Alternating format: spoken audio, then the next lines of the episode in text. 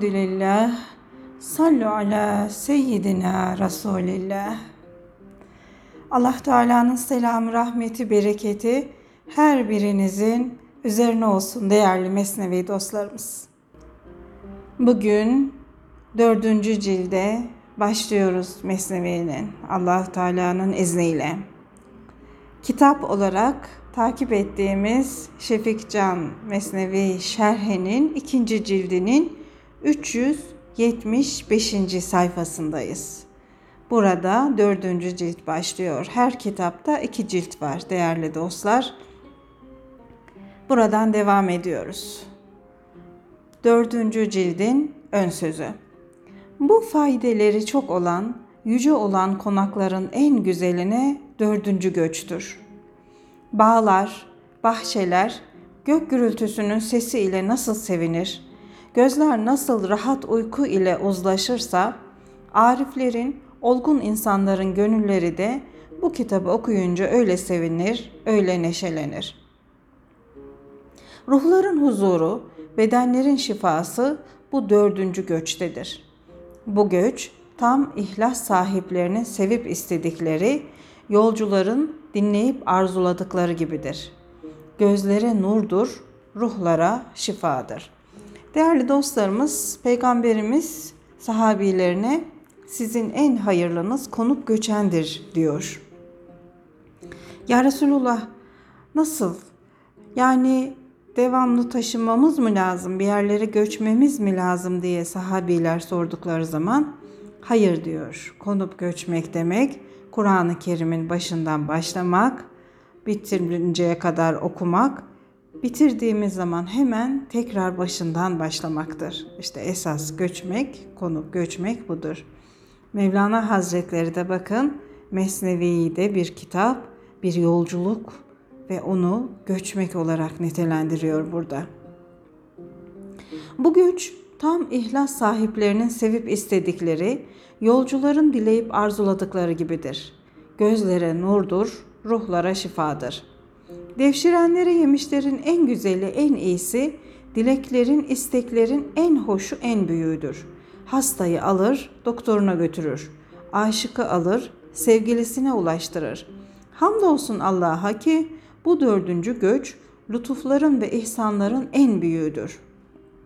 Dileklerin, isteklerin en değerlisidir. Ülfet zamanını, buluşup konuşma vaktini yeniler. Mihnet ve ızdırap çekenlerin dertlerini ve kederlerini azaltır. Güç işlerini kolaylaştırır. Bu dördüncü cilt dağılmış bulutların arasından doğan güneşe benzer. Bizi görenlere, bizimle görüşenlere nurdur. Arkamızdan gelenlere define. Allah'a şükretmek için bize yardım etmesini yine ondan dileriz. Çünkü şükür ele geçen nimetin değerini bilip onu evden çıkarmamak ve daha fazlasını elde etmek için gayret sarf etmektir. Ancak Allah'ın dilediği olur. Beni mahzun eden şeylerden biri de şu. Ben uyuyordum, hava güzeldi. Rüzgar da serin serin esiyordu. Ben de o serinlikte dalmış kalmıştım. Neşe ağacına boz renkli bir güvercin konmuştu. O güvercin güzel terennümlerle ağlaması ile beni çağırıncaya kadar dala kalmışım. Güzel güzel ötüyor, bu ötüşlere ağlayıp duruyordu. O ağlamaya başlamadan ben aşkımdan ağlamaya başlasaydım, suadaya sevgimden feryat edip ağlamaya koyulsaydım, pişman olmaz, teselli bulurdum. Fakat o benden önce ağlamaya başladı, beni de ağlattı. Evet, onun ağlaması beni de ağlattı da ona dedim ki fazilet bu işte öne olanındır. Allah korumada herkesten daha hayırlıdır. O merhametlilerin en merhametlisidir. Allah peygamberi Hazreti Muhammed sallallahu aleyhi ve selleme ve onun pek yüce olan soyuna, bütün peygamberlere ve şeriat sahiplerine rahmet etsin. Öyle olsun ey alemlerin Rabbi. Bismillahirrahmanirrahim. Hazreti Mevlana'nın Hüsamettin Çelebi'ye sevgi ile dolu hitapları.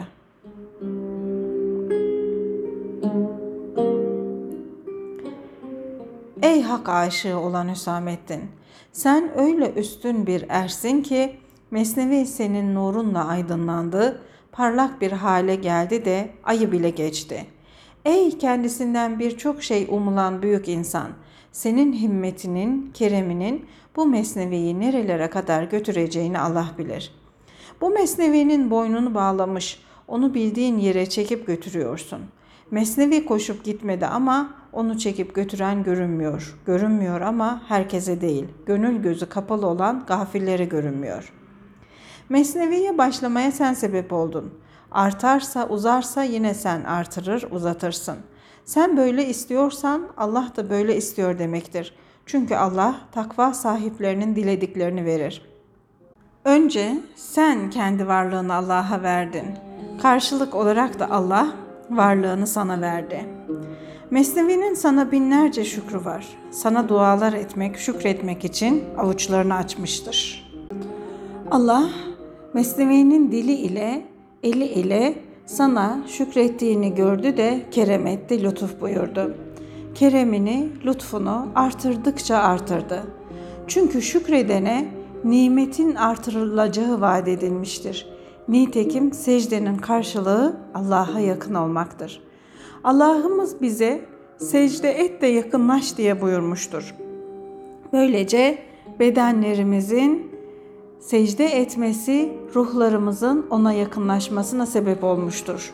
Değerli dostlar Alak suresi 9 ve 18. ayet-i kerimelerine işaret var burada. Mesnevi de artıyorsa, uzuyorsa bu yüzden artıyor ve uzuyor. Yoksa çok sayfeli, büyük görünmek için laf olsun diye değil. Biz seninle üzüm asmasının yaz mevsiminden hoşlandığı gibi hoşuz. Hükmediyorsan haydi mesneveyi çek götür, biz de çekip uzatalım. Sabır, neşenin, rahata kavuşmanın anahtarıdır. Sırrının emiri, beyi olan Hüsamettin, Mesnevi'yi bu beyitler kervanını hacca kadar çek götür. Hac bir evi yani Kabe'yi ziyaret etmektir. Evin sahibini ziyaret etmek ise erliktir. Bu ziyaret her kula nasip olmaz. Ey Hüsamettin, sen bir mana güneşisin. Onun için sana ziya dedim. Bu iki söz Hüsam ve Ziya senin vasıflarındır. Bu Hüsam kılıç ile Ziya ikisi de birdir. Çünkü güneşin kılıcı ziyadan olur. Çok güzel bir söz değerli dostlar. Güneşin kılıcı ziyadan olur. Nur ayın vasfıdır. Bu ziya da güneşin. Sen bunu Kur'an'dan oku. Babacığım, Kur'an güneşe ziya adını taktı, aya da nur dedi. Buna dikkat et. Değerli dostlar, bu ve bu beyitten önceki iki beyitte Yunus suresinin 5. ayeti kerimesine işaret var. Güneş ışık saçtığı için ziya kaynağıdır. Ay ışığını güneşten aldığı için nur saçmaktadır. Burada güneş kamil insanın sembolü, ay da müridini göstermektedir. Hüsamettin Çelebi'ye hakkın ziyası demekle onu kutup olarak görmektedir. Devam edelim. Güneş aydan daha yüce olduğundan derece ve mertebe bakımından ziyayı da nurdan üstün bil. Hiç kimse hakikat yolunu ay ışığı ile göremedi. Fakat güneş doğunca o yol aydınlandı, apaçık göründü. Ey Hüsamettin! Güneşin dördüncü kat gökten doğarak alemi aydınlattığı gibi sen de bir mana güneşi olarak Mesnevi'nin dördüncü defterine nurlar saç. Haydi sen de güneş gibi bu dördüncü deftere nurlar saç da beldeler, memleketler parıl parıl parlasın. Kim bu Mesnevi'yi masal diye okursa onun için masaldır. Fakat kendisinin halini bu kitapta gören kişi de er kişidir. Kalpazan güneşi hiç istemez, güneş ona uğursuz gelir. Güneş alınacak ve satılacak şeyleri daha iyi gösterir. Bunun için çarşılar, pazarlar gündüz açılır, kurulur. Böylece de sahte akçe ile geçer akçe iyiden iyiye belli olsun, görünsün de alışverişte herkes aldanmaktan korunsun. Güneşin ışığı yeryüzüne tam olarak vursun da alışveriş edenler için alemlere rahmet olsun. Fakat kalpazan güneşi hiç istemez.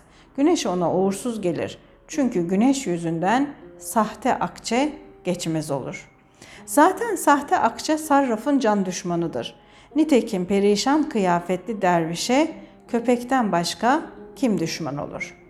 Değerli dostlar, şaşılacak şeydir ki köpekler perişan kıyafetli yoksul kişilere saldırırlar.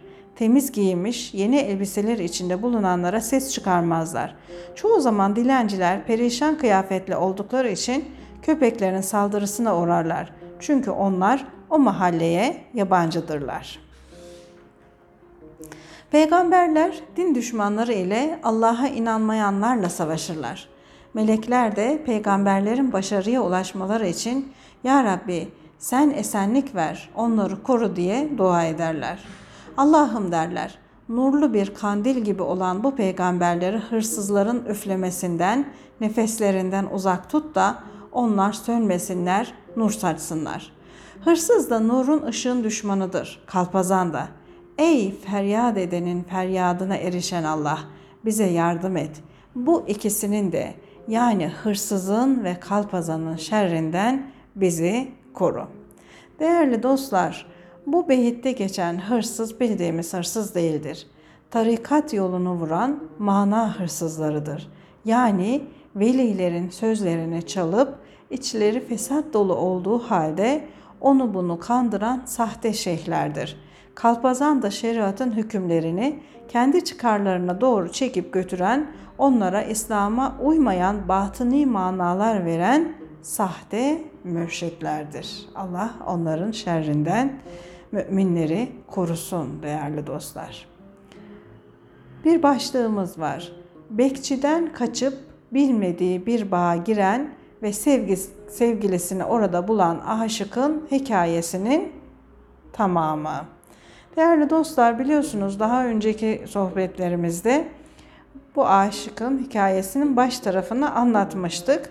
Kısaca bir özet olarak hatırlayacak olursak nasıldı? Bir genç bir kadını çılgınca seviyordu. Fakat zaman bir türlü kavuşup buluşmalarına fırsat vermiyordu. Kadının aşkı o gence hırpalıyor, perişan ediyordu. Kadına aracı olarak bir adam gönderecek olsa giden adam hasedinden buluşma yolunu kesen bir haydut oluyor. Sevgilisine mektup yazıp gönderse yazılan mektubun sözleri kadına değiştirilerek okunuyordu. Aşık sevgilisine bağlılığını, vefasını bildirmek için seher rüzgarına ricada bulunsa, o tatlı, hoş seher rüzgarı öfkeli, kızgın bir halde kudurmuş gibi esmeye başlar, bir mektup yazsa, kuşun kanadına bağlasa, mektubun hararetinden kuşun kanadı tutuşur yanardı. Bütün zorluklara rağmen o genç buluşma ümidini kaybetmedi, ibadete başladı. İnsanlara iyilik etmek için çareler aradı, ümitsizliğe kapılmadan çalıştığı hayırlı işlerde bulunduğu için Allah da o gence acıdı, sevgilisine kavuşmayı nasip etti. Sevgilisini arayan o aşık bekçiden korkmuş bir bağa girmişti. Orada sevgilisiyle karşılaştı. Bakalım daha ne oldu değerli dostlar?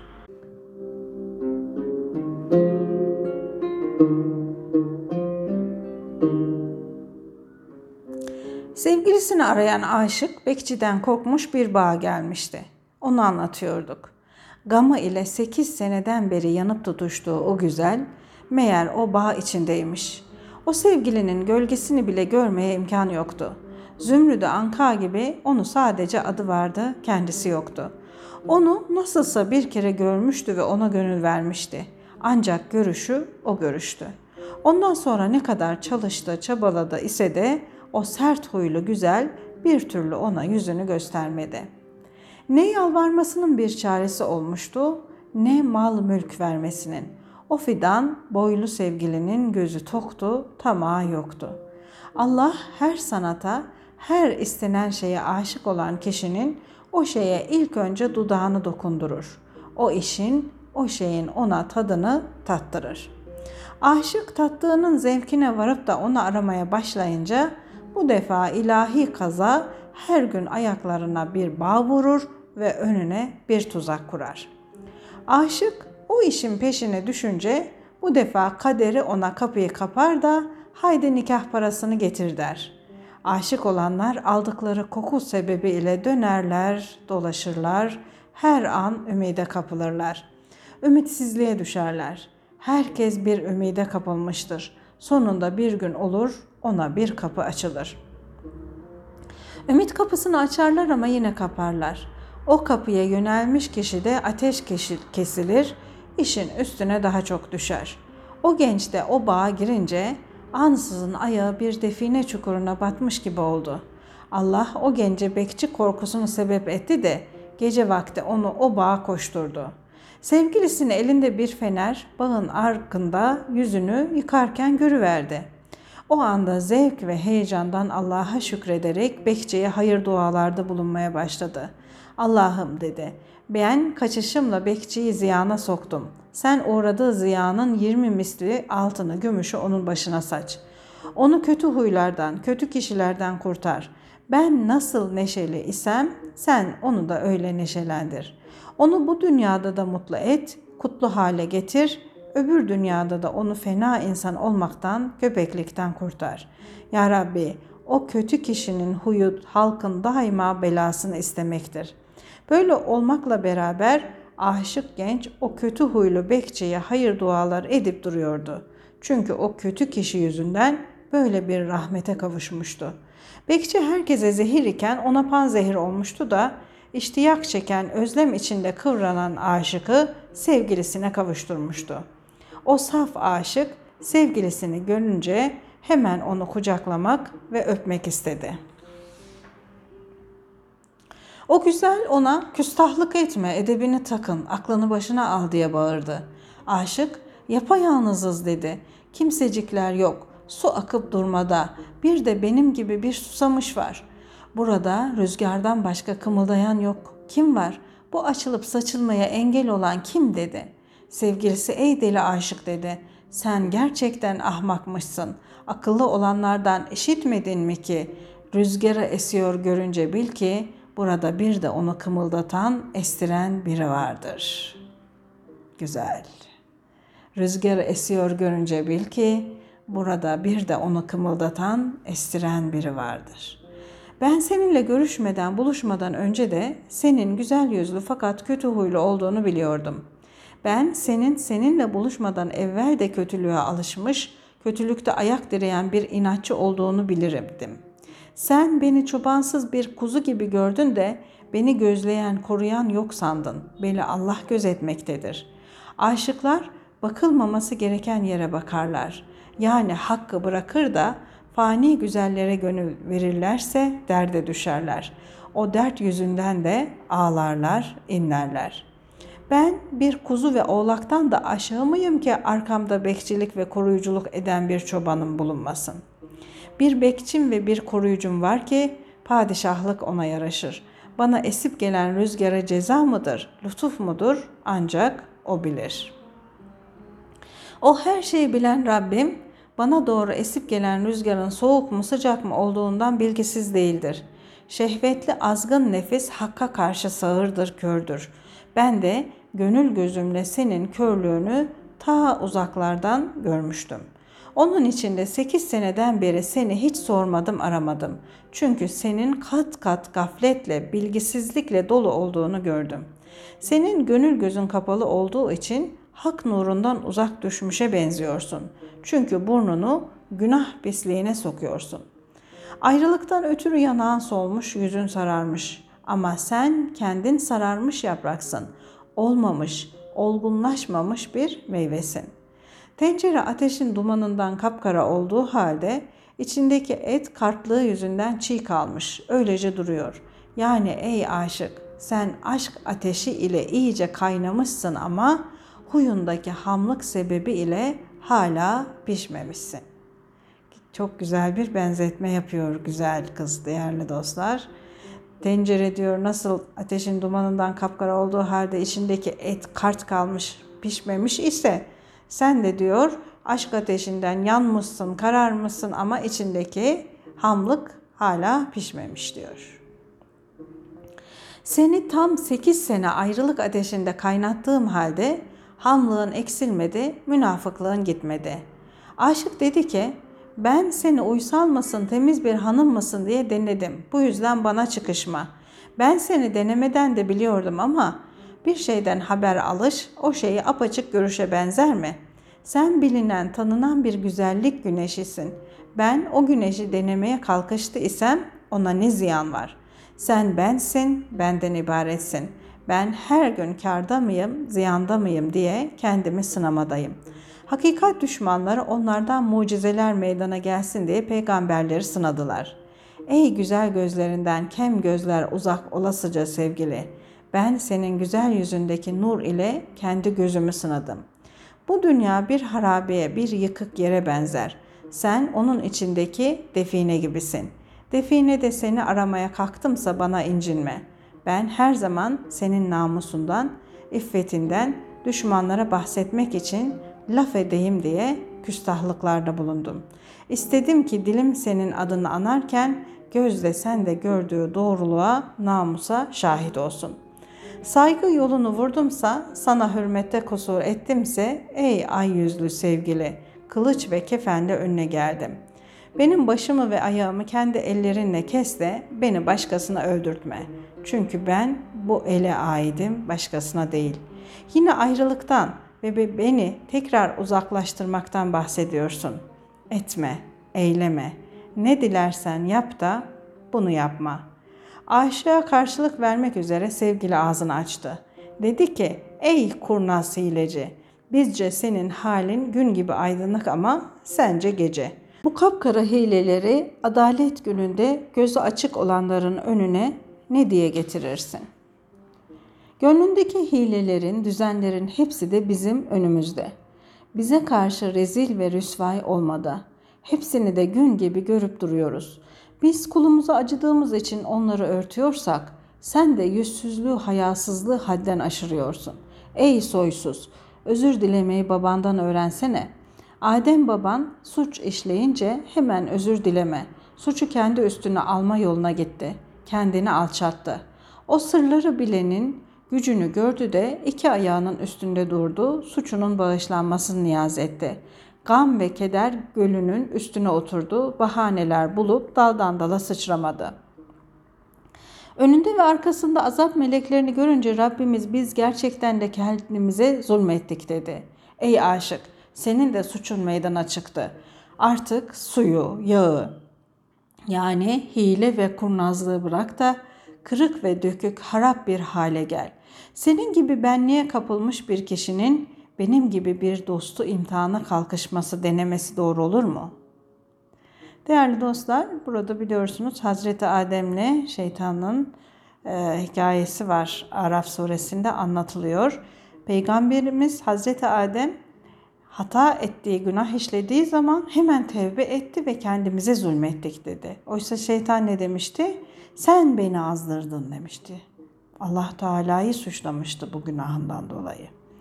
Hazreti Adem'in peygamber olması, şeytanın da şeytan olması, lanetlenmesi bu sebeptendir. Devam edelim. Dünyada mutlak olarak kötü diye bir şey yoktur.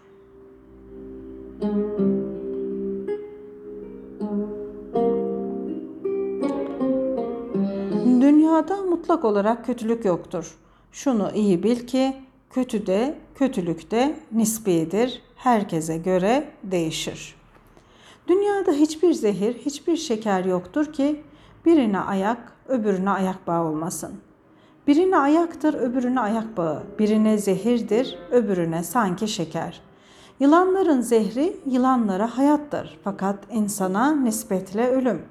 Deniz suda yaşayan mahluklara sanki bağ bahçedir fakat karada yaşayanlara ölümdür.